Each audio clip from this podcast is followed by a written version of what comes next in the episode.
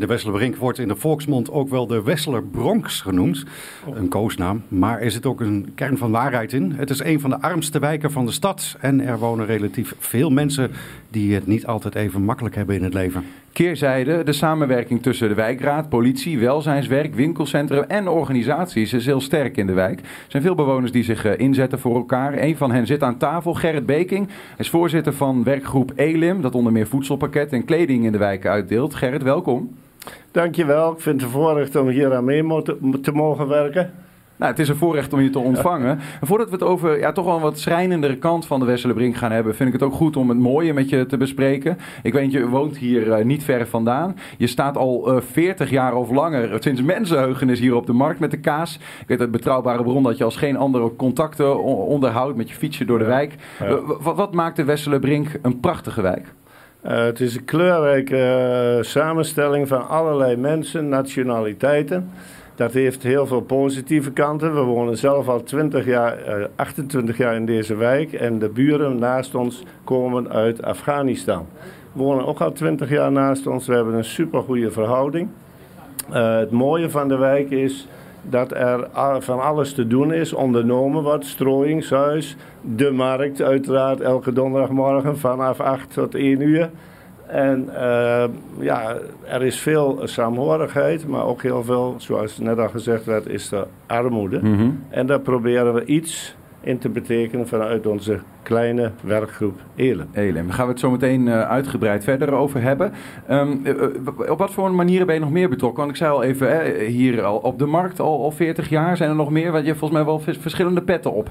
Ja, nou ja, in die zin is het mooi. Van het een komt het ander. Dus ik ben ook betrokken bij uh, de schuilplaats, waar vanuit we ook die voedselpakketten uitdelen. Dat is de kerk hier ja, uh, iets verderop. Ja, dat klopt. En sinds vorige week vangen we een Oekraïens gezin op. Uh, dat vanuit Oekraïne is gevlucht met zeven kinderen. Zijn zondagmorgen op hun eigen verzoek al bij ons in de kerk geweest. Nou ja, wat dat betreft vind ik het een bijzondere gebeurtenis van dat je één gezin al mag helpen. En de mooie kant van ja, heel deze wijk is dat er zoveel meer initiatieven zijn om aan een stukje armoede en sociale, uh, gebrek aan sociale contact om mensen op te zoeken. Ja, want uh, Oekraïne is, is nu een heel, ja, uh, Nou ja, we kennen het allemaal, het speelt echt nu. speelt ook in de eerste instantie wat verder van ons bed, maar Elin begon al veel eerder, omdat de armoede en de ellende soms ook heel dicht bij huis is. Wanneer, wanneer zijn jullie begonnen met de werkgroep? Eind 2005, toen was er nog geen voedselbank en toen zijn we begonnen vanuit een klein groepje mensen, huisarts, een bijstandsmoeder, iemand die in de kinderopvang werkte. We zagen de armoede, ik als marktkoopman ook. En als evangelist, want ik heb een dubbele taak in het leven. En toen zijn we begonnen in stilte. En dat is uitgegroeid. We zijn nog steeds klein. Ik ben zelfs bij de oprichting van de grote voedselbank betrokken geweest. Want even, er was geen voedselbank. Bedoel je dan de voedselbank Enschede? Ja, die was er, die was er niet. Nee, die kwam een jaar later. Ja. En daar ben ik ook bij betrokken. En nog steeds. We hebben goed contact. Maar wij hebben een, uh, een, een, kleinschalig initiatief waarin we ook onze identiteit willen uh, laten uh, merken aan de mensen die het opkomen halen. Ja, dus de, vanuit de kerk ook die boodschap meegeven ja. aan de mensen. hoe doe je dat dan? Nou, Jezus zegt al in Matthäus 4, vers 4.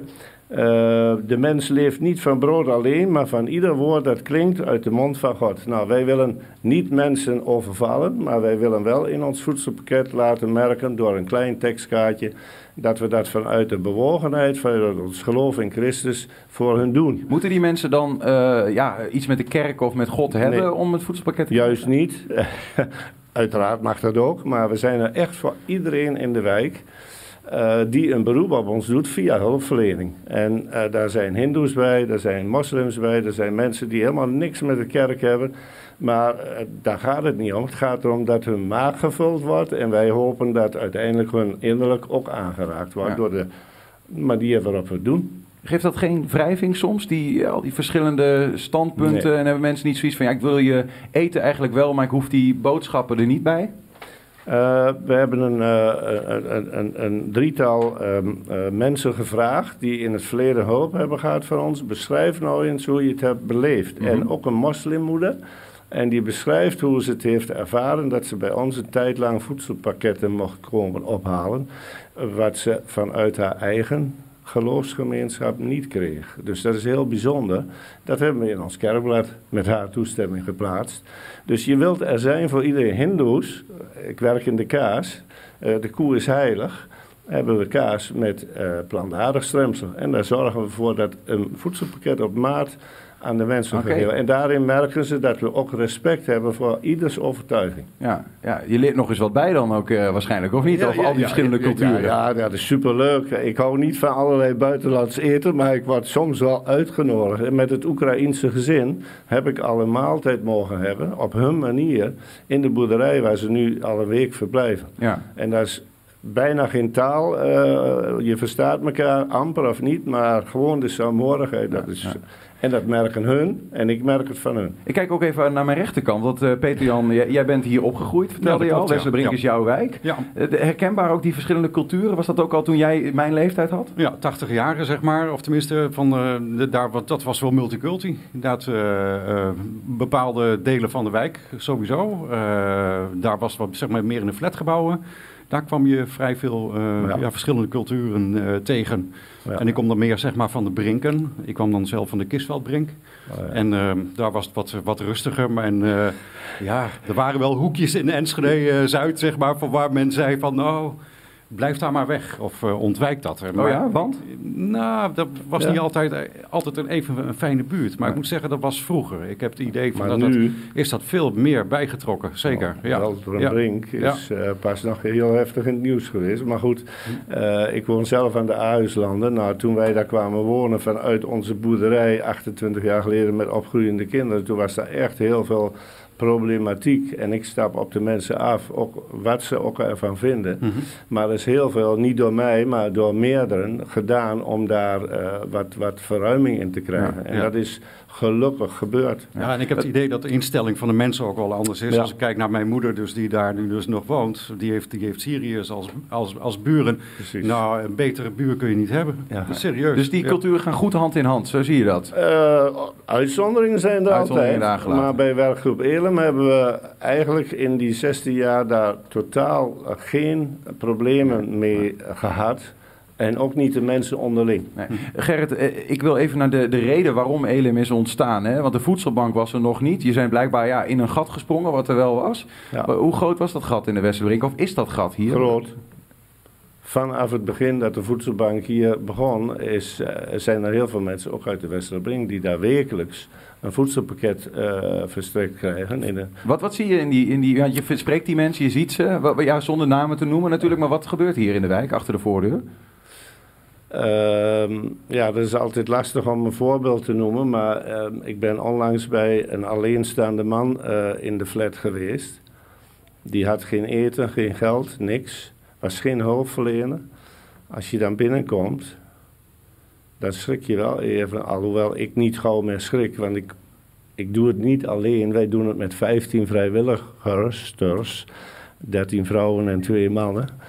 Maar dan, dan dat, dat, dat komt binnen hoor. Dat je ziet van, er is amper iets in die flat. Er staat gewoon niks? Bijna niks. Dat is ja. niet ingericht. Dat, en dat is geen uitzondering?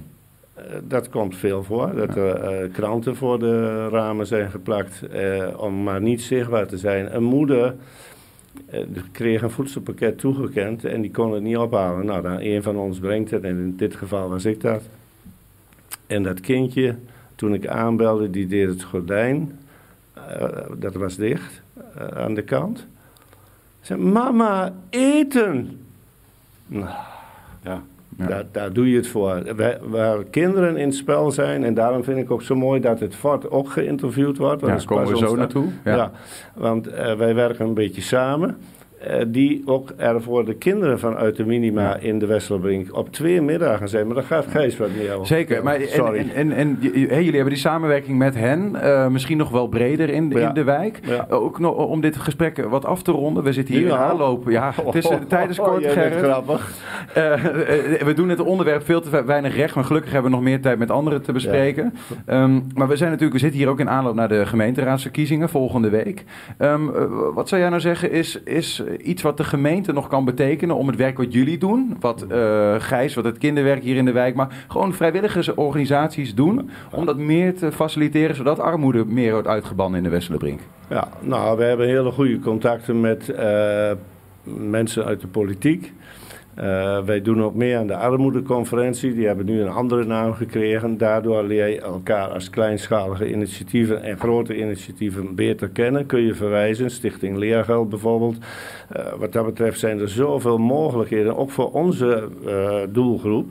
En daarin kun je uh, iets aanreiken, maar je werkt met elkaar samen. Hè? Zeg van, je belt even, je mailt even en er wordt wat geregeld. En, en dat is het voordeel. Dat... Is dat privacy technisch niet soms lastig? Oh ja, dat, maar ja, daar ben ik een beetje was van. Okay. Maar goed. Zeggen we, zeggen we niet hardop. Als je elkaar kunt helpen, doe je dat. Ja, en soms ook uh, binnen een dag.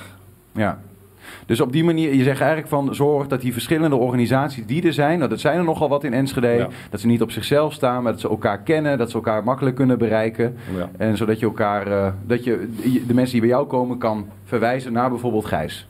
Met zijn ja, kinderwerk. En uh, Stichting Leergeld voor ja. een laptop voor uh, wat kinderen op een voortgezet onderwijs moeten hebben, waar geen geld voor is. Ja. En fietsen uh, doen we ook van alles, maar altijd in samenwerking met.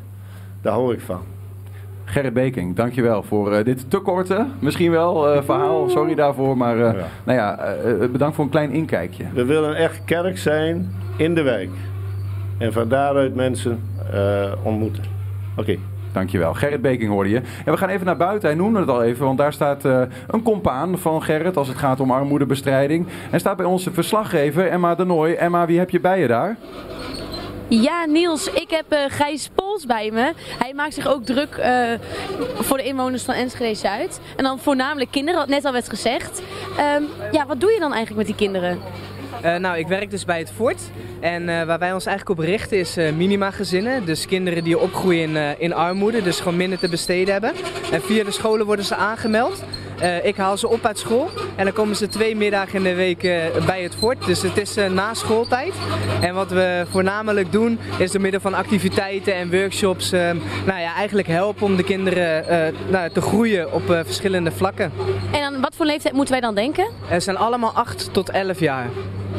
Ja. En uh, ja, die kinderen, die, uh, wat wil je die nou precies bijbrengen? Nou ja, verschillende dingen. Kijk, die kinderen hebben gewoon iets minder mogelijkheden, omdat ze wat minder financiële middelen hebben. Uh, en waar je, waar, je ziet dat voornamelijk stichtingen investeren in de economische kant, zeg maar. Dus die geven bijvoorbeeld voedsel of uh, Stichting Leergeld geeft een fiets of een laptop, ik noem maar op. En waar wij dus vooral in willen investeren is dat niet. Dus daar, dat doen we niet. Omdat anderen dat al doen, dus dat vinden we gewoon helemaal goed wat zij doen. Dus wij investeren eigenlijk voor, voornamelijk in de sociale kant, de culturele kant. Uh, daarmee bedoel ik dus dat we ze eigenlijk proberen het onderdeel te maken van de, van de cultuur, normen en waarden bijbrengen. Uh, we investeren in de sociale kant, dus onderdeel te laten zijn van een groep, veel te laten samenwerken, samen te laten spelen.